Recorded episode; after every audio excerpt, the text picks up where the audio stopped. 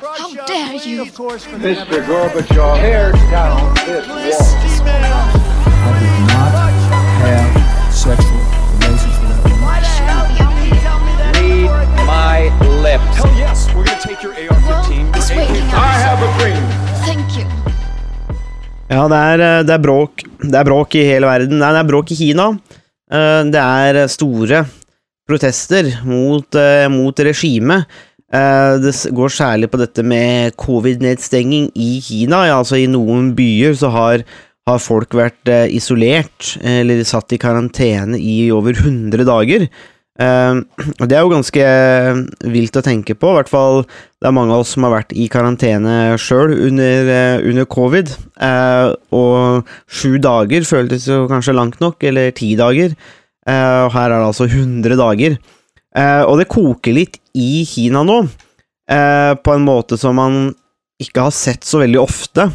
Eh, faktisk. Det har jo egentlig alltid vært demonstrasjoner i Kina, men eh, som noen eh, kommentatorer har pekt på, så har det ofte kanskje vært knytta mot lokale interesser, kanskje noen banker, entreprenører osv.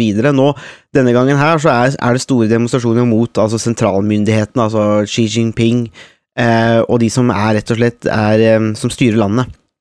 Og det er ganske sjelden kost, og det er ganske kraftige protester.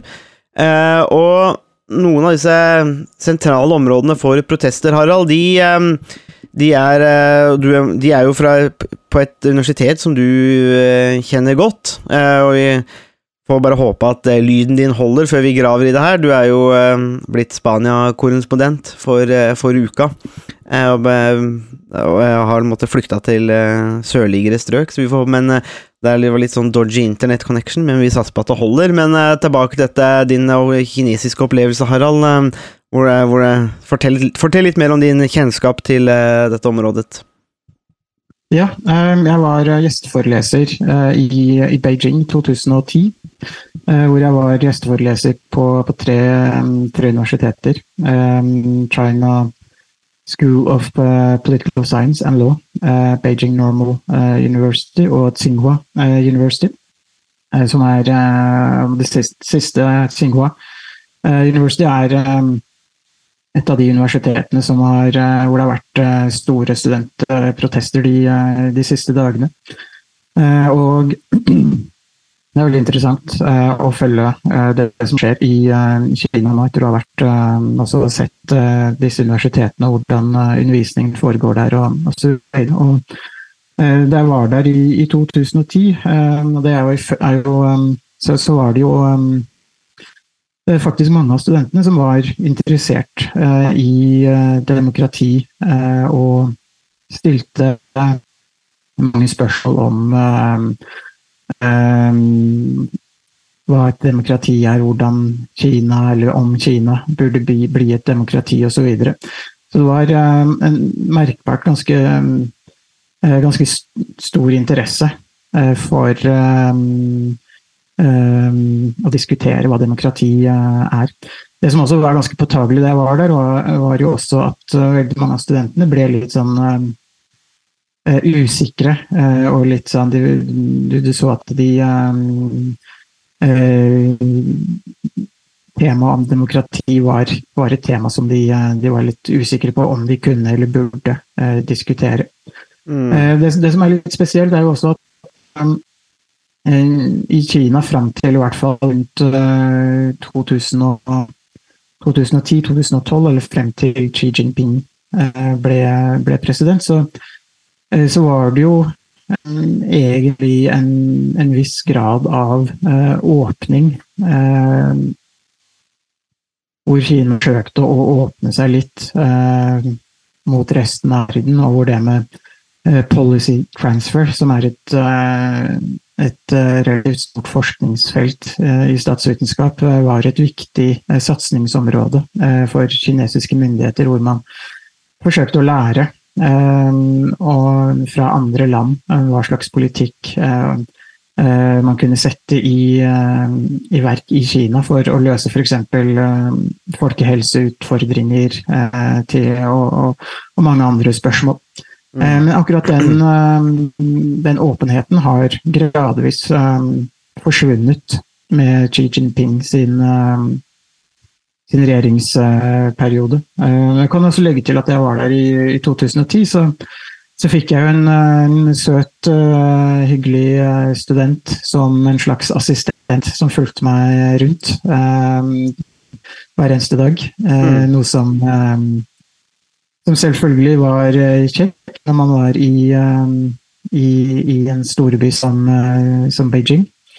Eh, Men samtidig eh, det sånn klamt og litt, eh, litt merkelig. Man, det samme ville ikke skjedd hvis en kinesisk gjesteforeleser kom til, eh, til Oslo eller, eh, eller et europeisk eh, eller vestlig land. Eh, Så det er jo litt eh, Man kan jo mistenke at det var et, eh, et forsøk på å ha en slags eh, kontroll med, med en gjesteforeleser som, eh, som var på besøk. Mm.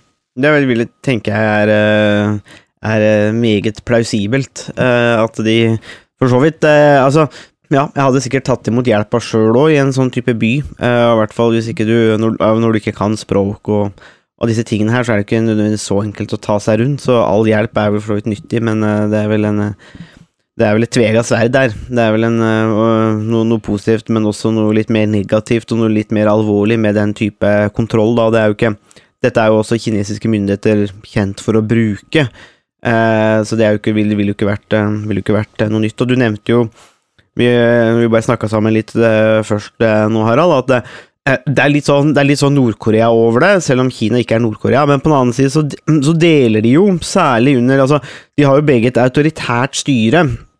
um, og du har denne kulten rundt uh, familien i Nord-Korea, men, men det er jo en slags kult egentlig rundt partiet i Kina òg.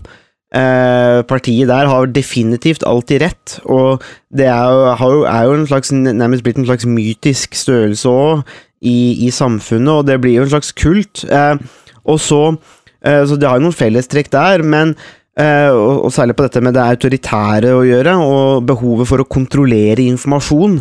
Eh, og det kan også være noe av grunnen til at du fikk en assistent òg, altså at man kontrollerer litt informasjon. Hva er det man eh, får inn av informasjon, og eventuelt kommer ut av informasjon. Eh, begge ting kan jo være ganske farlig, for et autoritært regime særlig, da.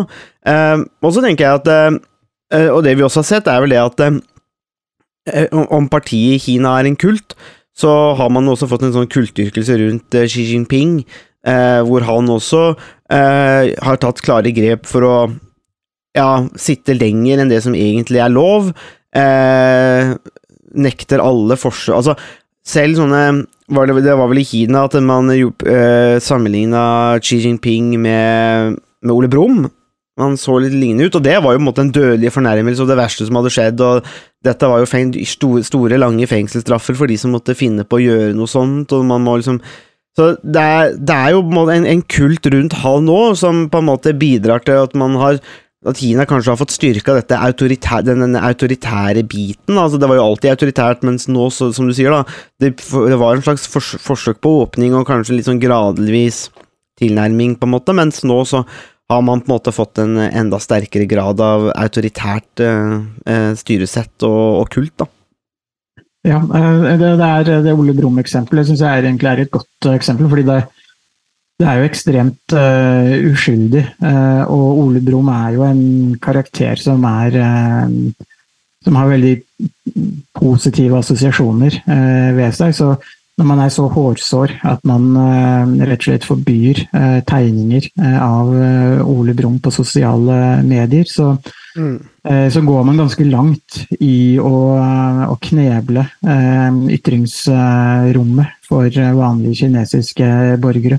Og jeg tror kanskje opprinnelig så begynte de karikaturtegningene med Ole Brumm mer som en sånn positiv gest enn noe eh, som var på en måte sarkastisk eller ment som, eh, som en slags sånn kraftig kritikk eh, av Xi Jinping. Men det er veldig tydelig at det kinesiske maktapparatet slår ned på det meste som, som kan tolkes i, i retning av, av kritikk, eller at man utfordrer det kinesiske kommunistpartiet. Ja. Og det er jo også det som er litt spesielt med, protestene og demonstrasjonene som har vært eh, de siste dagene. Fordi eh, det begynte eh, som minnemarkeringer eh, i forbindelse med en, eh, en brann i Xinjiang-provinsen eh, nordvest i, eh, i Kina, hvor det var Ifølge eh, de offisielle tallene fra kinesiske myndigheter ti mennesker som omkom. Eh, Newsweek eh, så i dag morges rap rapporterte at det var eh, 44 eh, omkomne i den boligblokkbrannen. De tallene er, er vel ikke bekrefta offisielt, men det tyder på at det kan være flere omkomne enn det kinesiske myndigheter har har sagt så langt. Um, Så eh, protestene begynte som en slags min- minnemarkeringer i forbindelse med den boligbrannen, eh, og hvor eh, covid-restriksjonene fikk, fikk noe av skylden for at boligbrannen eh, eh, tok så mange liv som det den gjorde, fordi det var eh, eh, delvis eller hel, full nedstengning. Eh, i byen der eh, brannen oppsto. Eh, og det sto parkert biler i veien for brannbilen, som hadde stått stille i flere måneder, og som ikke som beboerne ikke fikk, fikk startet pga. at batteriene osv.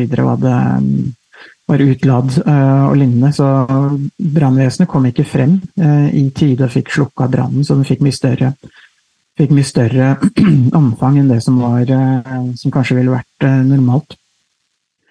Eh, Og da mm, eh, endret etter hvert eh, minnemarkeringene seg fra å være direkte minnemarkeringer til å handle mer om um, protestene, som, til å være mer protester mot um, mot nedstengningsreglene, eh, som har vært eh, gjennomført på en veldig hardhendt måte mange steder i, i Kina. og hvor mange eh, beboere har vært eh, eh, har vært eh, eh, har, har opplevd eh, gjentatte nedstengninger eh, et, etter hverandre eh, de siste, siste tre årene.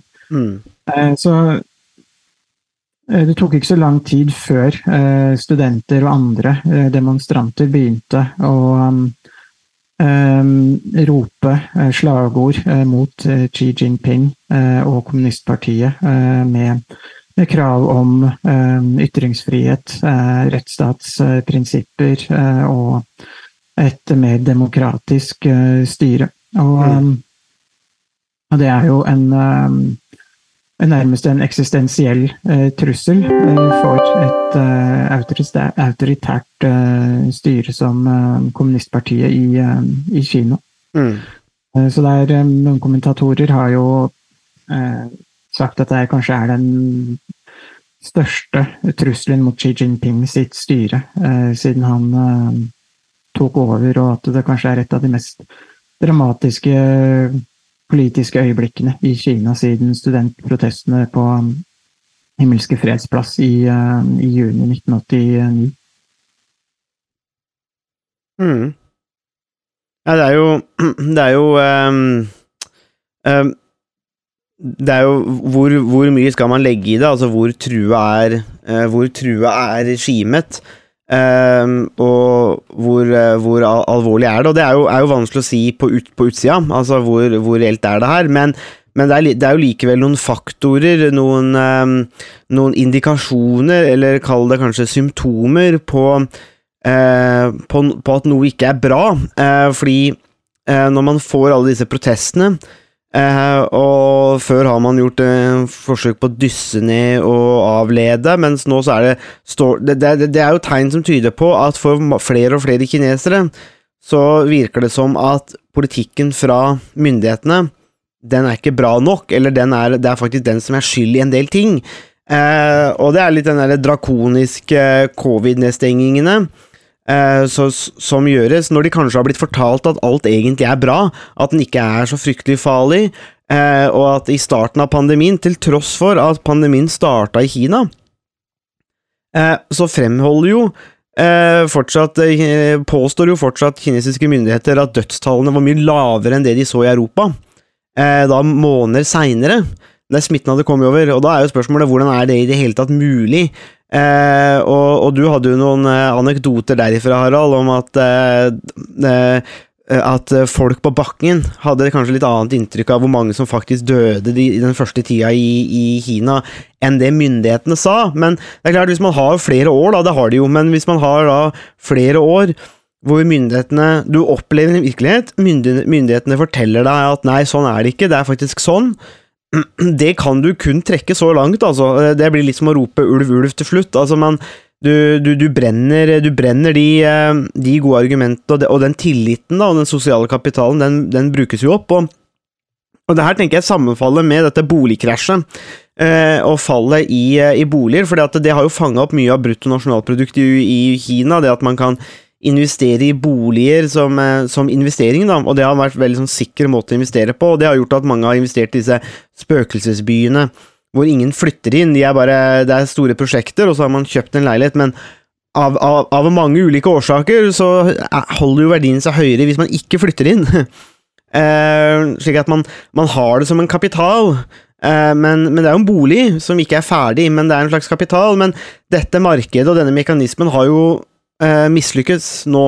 Eh, og det er jo store opprør rundt dette økonomiske modellen, for jeg tenker Kanskje det, kanskje det, er et problem i Kina, er at eh, det har gått bra så lenge som materiell standard, levestandard for mange har gått opp, og man kunne på en måte øh, sløve de da, med, med, med, penger. Altså, om ikke religion er som opium for folket, så er det i hvert fall penger eh, som opium for folket, og det har kanskje fungert for, kinesiske, for kinesiske myndigheter, men så har det blitt borte, og så står man da med ganske sånn håpløs policymaking, altså at det er dårlig politikk som blir iverksatt, og da, da kommer på en måte alt dette her sammen, da, man har de dårlige tingene fra styresettet og de dårlige strategiene for covid, og, det, og, manglende ærlighet med befolkningen, sammenfaller jo da med økonomisk til dels kollaps for svært mange, og da er det ikke så mye igjen som står igjen av tillit, da, tenker jeg, til myndighetene.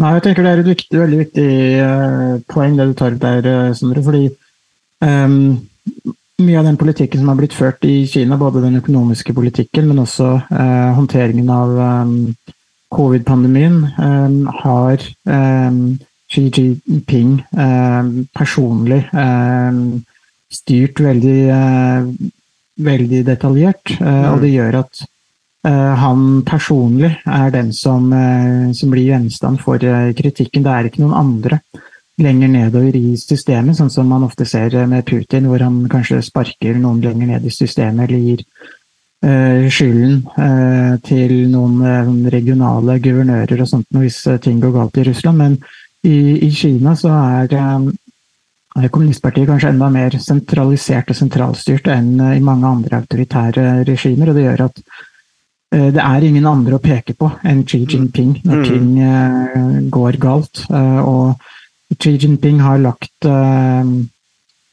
sitt, sin prestisje i både den økonomiske politikken og i håndteringen av covid-pandemien, og da er det ingen andre å, å skylde på.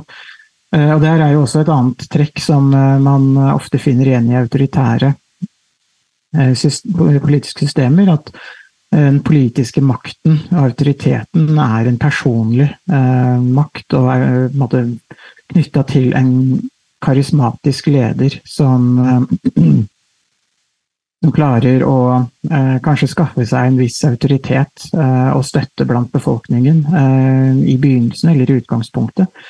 Eh, men som gradvis må bruke mer og mer eh, makt for å, å, beholde makten. Og det ser vi også i eh, til en viss grad er situasjonen i Kina nå også, hvor Xi Jinping opplever at det er hans makt som, som utfordres. Og når man lever i et, i et, demokrati, så er jo det her litt sånn på en måte litt sånn merkverdig å være vitne til også, fordi mm norske politikere, altså Erna Solberg og Jonas Gahr Støre, gjør jo ikke noe annet enn å kritisere hverandre og um, snakke om uh, hvor dårlig uh, Høyre sin politikk eller Arbeiderpartiet sin uh, politikk er, på en måte. Så Jonas Gahr Støre, som er statsminister nå, har jo brukt, han brukte jo åtte år på å forklare det norske folk hvor dårlig Høyre sin politikk var. Og Det er jo litt interessant at norske politikere de liksom bare rister litt på, på skuldrene av den kritikken, og at noen sier at de, de tar landet i feil retning. Mm. Eh, mens eh, ledere i autoritære regimer, de, eh, for, for, dem så er all den type kritikk som vi ser på som normalt i et uh, demokrati, er, er, for dem en uh, eksistensiell trussel. Så de balanserer egentlig på en ganske sånn, skarp egg, mm. hvor det er, skal veldig lite til for at de, de, mister grepet om, om makten. Eh, og den økonomiske veksten har jo i stor grad stoppet helt opp i Kina etter mm. Fra 2020 og frem til, eh, til i dag, av, av, flere grunner. Hvor eh, krasjet i boligmarkedet kanskje er både en, en, årsak og et symptom på, mm. På den politikken som uh, har blitt ført. Og um, ungdomsarbeidsledigheten er på rundt 20% i, i Kina i dag. og Eh, det er jo ganske mye, fordi det betyr at veldig mange unge mennesker, eh, og ofte godt eh, utdannede mennesker, ikke finner seg relevante jobber. Mm. Og I det kinesiske samfunnet så er det to ting som gir status. Utdanning og det å eie egen bolig, eller det å ha mm. en, ha eie eiendom. Ja. Og for mange unge så er begge de, de statussymbolene eh, utenfor uh, rekkevidde. Mm. Og da er det heller ikke rart at man ser store opptøyer og protester i, på, på, universitetene, hvor det er mange unge som opplever at de, de, kanskje jobber veldig hardt for å oppnå den såkalte, hvis man kan kalle det den kinesiske drømmen, med en, godt, en god jobb og et, en egen leilighet eller, eller hus. Mm. Så er det så er, det, så er man også enda mer, også enda mer sårbar mm, for, eh, for protester, som, som, det vi har sett i, eh, de, siste, eh, de siste dagene.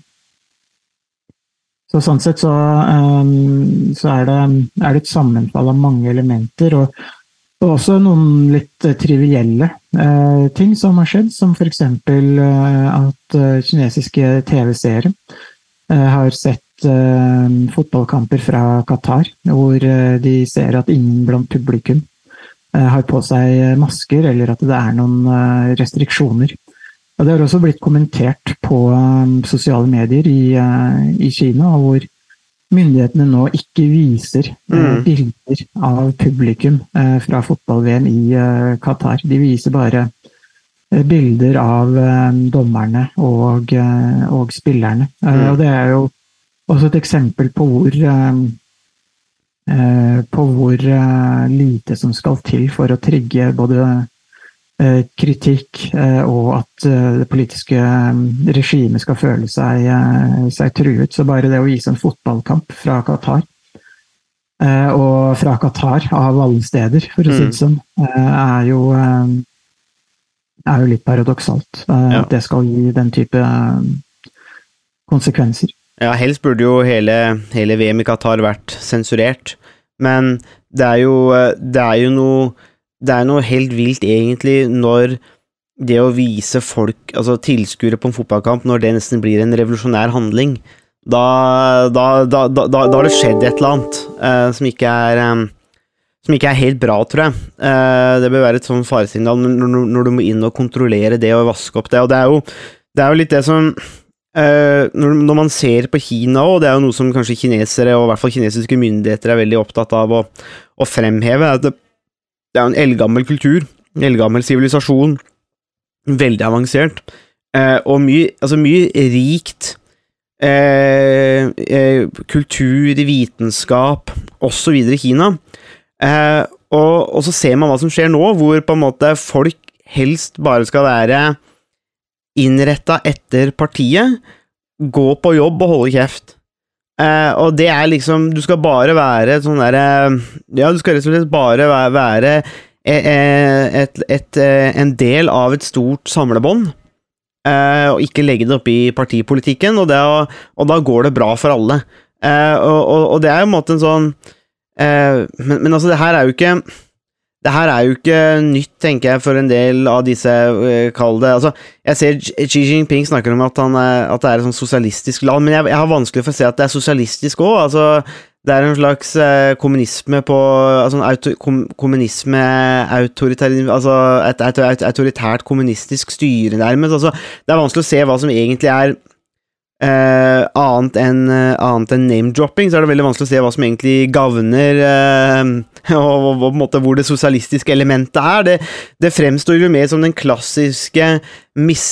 Eller den klassiske forsøk på å gjøre nytte av marxistisk teori og innsikt, sånn som vi så i, i Sovjetunionen nå, hvor det bare ender opp i en sånn autoritær en, en sånn autoritært styre, en, en, sånn bane som bare går eh, Hvor alt egentlig bare blir fattigere, da. Eh, og, og, og du, kan, du, kan, jo produsere ganske mye. altså I motsetning til Sovjetunionen så har jo Kina klart å opprettholde produksjonen sin. Uh, og, og, bli gode på det, og kanskje ver og verdensledende. De har hatt mye folk og, og billige, altså billige, lønninger, lave lønninger, så de kan, de kan, på en måte kompensere for veldig mye av det her. Og de har ikke vært like dogmatiske som Sovjetunionen var.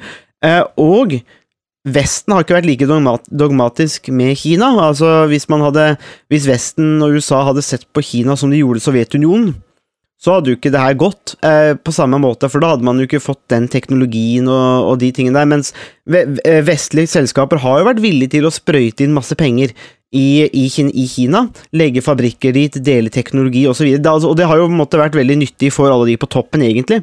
Eh, så, så, alt det der har jo fungert, men det som blir fattigere, det er jo, er jo eh, sivilsamfunnet. Eh, og, og, alt det som foregår under.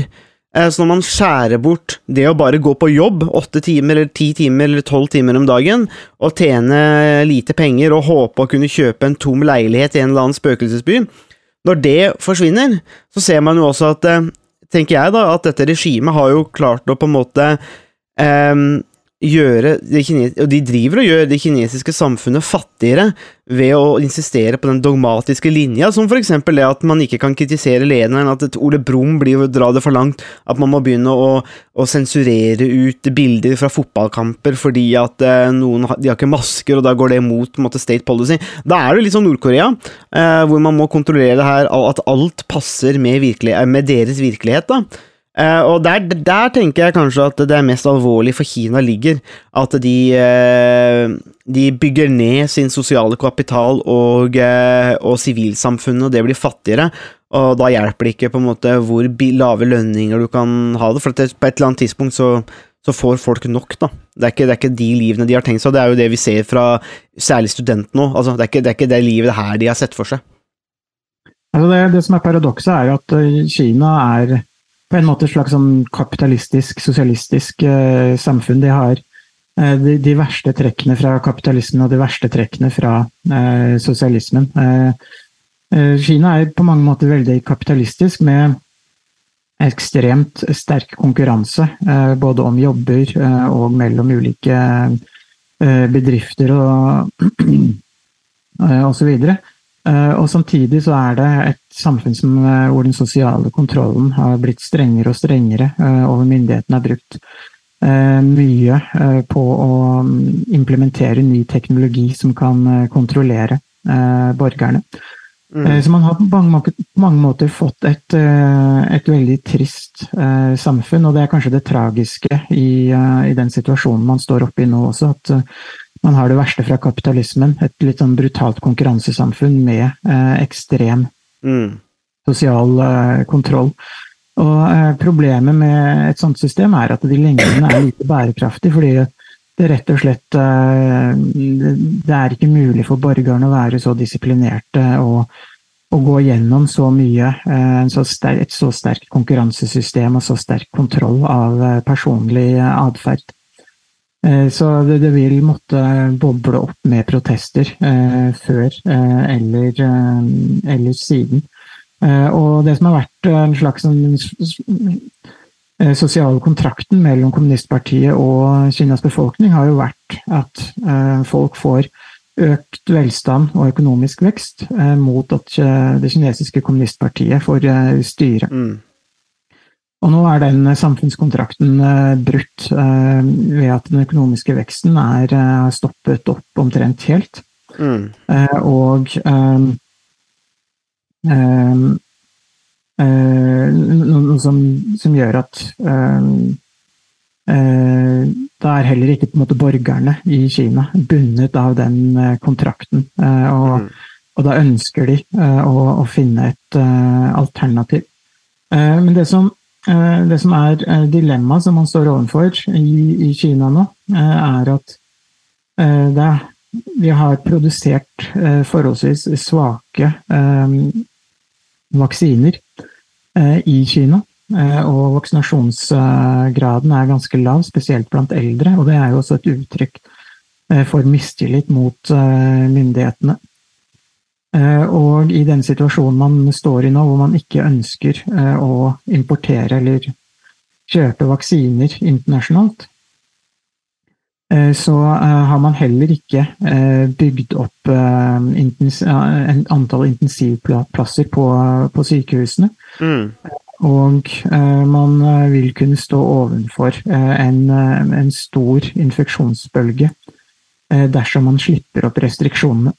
Mm. Eh, Og det vil også skape eh, store økonomiske, sosiale og politiske problemer. Eh, Det har blitt, blitt hevda at eh, dersom man slipper opp eh, restriksjonene, så vil eh, man kunne få opp mot eh, 1,6 millioner dødsfall. Mm. Og spesielt blant eldre innbyggere, hvor vaksinasjonsgraden også er ganske, ganske lav. Mm. Så dilemmaet er at på den ene siden så kan de ikke slippe opp, og på den andre siden så er nedstengningsregimet umenneskelig og umulig eh, å opprettholde i, eh, i lengden også for, eh, for folk flest. Så dermed står Kina overfor et, et dilemma som det egentlig ikke finnes noen, noen løsninger på. Det eneste som kan fungere, vil muligens være å kjøpe vaksiner fra utlandet, men det vil være et så stort prestisjenederlag for Xi Jinping at det ser helt Mm. Urealistisk ut. I hvert fall eh, slik som situasjonen er i, er i dag. Mm. Ja, jeg tenkte, tenker det samme som deg når du, når du ser det med, med hvorfor må man ha disse lockdowns, og på en måte så Ja, ja, det gir for så vidt mening å sperre ned områder som, eh, som, eh, som får smitte.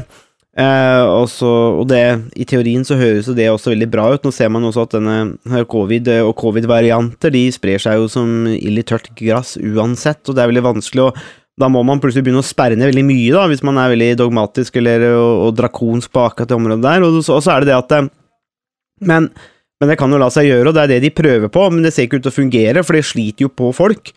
Eh, for folk er jo da ikke bare Det er jo ikke bare roboter. Eh, og så er det jo Det andre er jo det, nettopp det at hvis de, eh, ikke, hvis de slipper opp, da, eller normaliserer, så avsløres vel kanskje alle de eh, feilene og manglene ved det kinesiske helsevesenet, og det er også en enorm, vil også være en enorm krise for Xi Jinping og myndighetene å, se at, at og, og bare, bare vise for folk at eh, systemet vårt er ikke rigga for å hjelpe dere. Det er, det, det er, alt er på en måte bare bygd på en løgn, og kostnaden da er, er ved, å, ved å stenge folk inne er jo da mye lavere enn å faktisk vise den reelle situasjonen til folk, om hvordan, ting, eh, hvordan, hvordan tingenes tilstand er, da. Så det, og det er, ser jeg jo også Det er flere som har, har pekt på, og, eh, og også dette med de vaksinene, ikke sant, at, eh, som du nevnte òg, at man har ikke nok vaksiner, ikke gode nok vaksiner, men det å da kjøpe fra andre land vil jo da være en katastrofe for Xi Jinping, eh, som ikke vil gjøre, og da er det egentlig bedre at det, at det dør en del folk. Og, og, og, og demonstranter kan du jo alltids banke opp, eh, arrestere, eh, drepe eller deportere. Eh, det er jo ikke noe nytt i kinesisk eh, samfunn.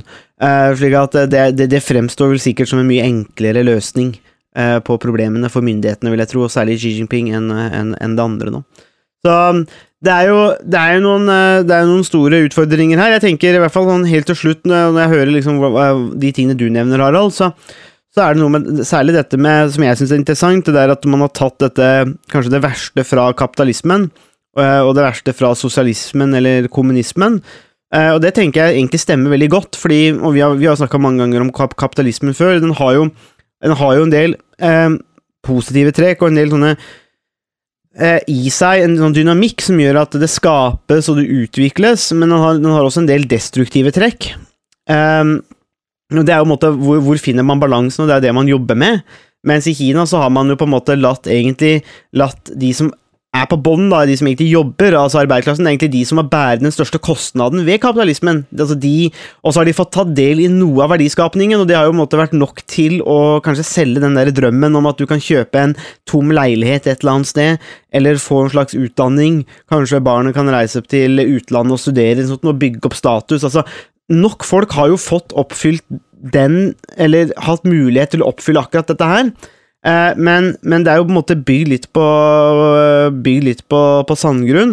Og så tenker jeg at eh, det som kanskje er problemet òg, er at eh, Og det, dette er alltid problemet, tenker jeg, i noen av disse som vi ser særlig for disse gruppene som forherliger kommunismen og, og denne litt sånn autoritære kommunismen som vi har sett i Kina nå, men også i, i Russland seinere det er det at eh, man bryr seg så forbanna lite om arbeiderklassen. Altså, det er, det, det er litt som eh, noe, no, Det er lenge siden jeg har lest eh, Animal Farm nå, men du har denne gode, gode gamle hesten som gjør all jobben på, på gården, og som jobber og sliter og tur på prosjektet, og så når den er, når den er gammel og sliten, så blir den bare sendt til slakteriet. Og, og det er noe med det at det er sånn, det er sånn disse såkalte kommunistiske eller sosialistiske, jeg vil si ja, eh, men særlig kommunistiske, sånn som Kina og Sovjetunionen, behandler arbeiderklassen, er at de er null verdt. De er liksom på bånn der òg. Og, og det er i en måte der dette begrepet som jeg tenker er litt interessant, eh, dette med prekariat, eh, som også kom fra særlig fra en del franske sosiologer, men altså dette med at eh, man har ikke proletariat, men har et, et, et prek prekariat som er mer er denne eksistensen da, uten, for, ufo- u, med, uten forutsigbarhet eller sikkerhet. Eh, så man har ikke fast jobb. Eh, man har ikke noen sånne faste noen ankere da, i samfunnet. Eh, så man er veldig precarious, da. Altså i, i en veldig precarious position, altså veldig utsatt. Eh, det, det tenker jeg kanskje gjelder for, eh, for Kinas eh, arbeiderklasse òg. Problemet er at de gjør jo egentlig ikke noe gærent, for de går jo på jobb og jobber livet av seg for dette, dette prosjektet og gjør egentlig det de skal gjøre, men så kommer det ingen vei, og så blir de bare behandla fryktelig, fryktelig dårlig, og det er jo på en måte bare tragisk. Ja, absolutt. Eh, Og man ser jo også at eh, noen av de første protestene som, eh, som begynte, det foregikk på Foxconn sin ja. store fabrikk i Shenzhen syd i, i Kina, i nærheten av, eller rett ved Hongkong. Eh, Hvor eh, det er tusenvis av eh, arbeidere som, som bor og jobber på fabrikkområdet for at man skal unngå karantene og nedstengninger. Og det er jo det er, Foxconn produserer jo en veldig stor andel av iPhone og produktene til, til Apple. Mm. og, så her ser man veldig tydelig hvordan den den utsatte situasjonen til arbeiderklassen altså har gitt, eh, gitt seg utslag i, eh, i protester eh, de, eh, de siste ukene. Og det var før man fikk disse protestene etter eh, boligbrannen i, eh, i Xinjiang eh, i, for noen få dager siden. Mm. Ja, det blir spennende å se hva som skjer i Kina. Vi får, eh, vi får, vi får følge situasjonen, fordi det er jo en, noe som ikke ser ut til å gå vekk nå eh, med, med det første. og Da er det jo spennende å se, å se hva som skjer, også fordi at man har andre områder, slik som Taiwan, eh, men også Hongkong, eh, som Kina forsøker å eh, b, b, eh, gjøre sin innflytelse gjeldende, men, eh, men spørsmålet er på en måte hva gjør man hvis det koker, og det brenner under beina på en, på, på en, en hjemlig arena nå, så det, det skjer veldig mye i, i, i den delen av verden som er verdt å følge med på, så får vi se, se hva som skjer, men vi får i hvert fall håpe at det vi får jo håpe for de som er kineserne, som eh, lider under dette, at situasjonen bedrer seg raskt for de, da. Takk for at eh, du hørte på Statsvitenskap og sånt. Har du spørsmål, kommentarer eller tilbakemelding, så er det bare å ta kontakt på vår Facebook-side, per e-post eller brevdue. Musikken er som vanlig laget av Robin Horvath, og Mats Halvorsen mikser og redigerer podkasten. Vi høres!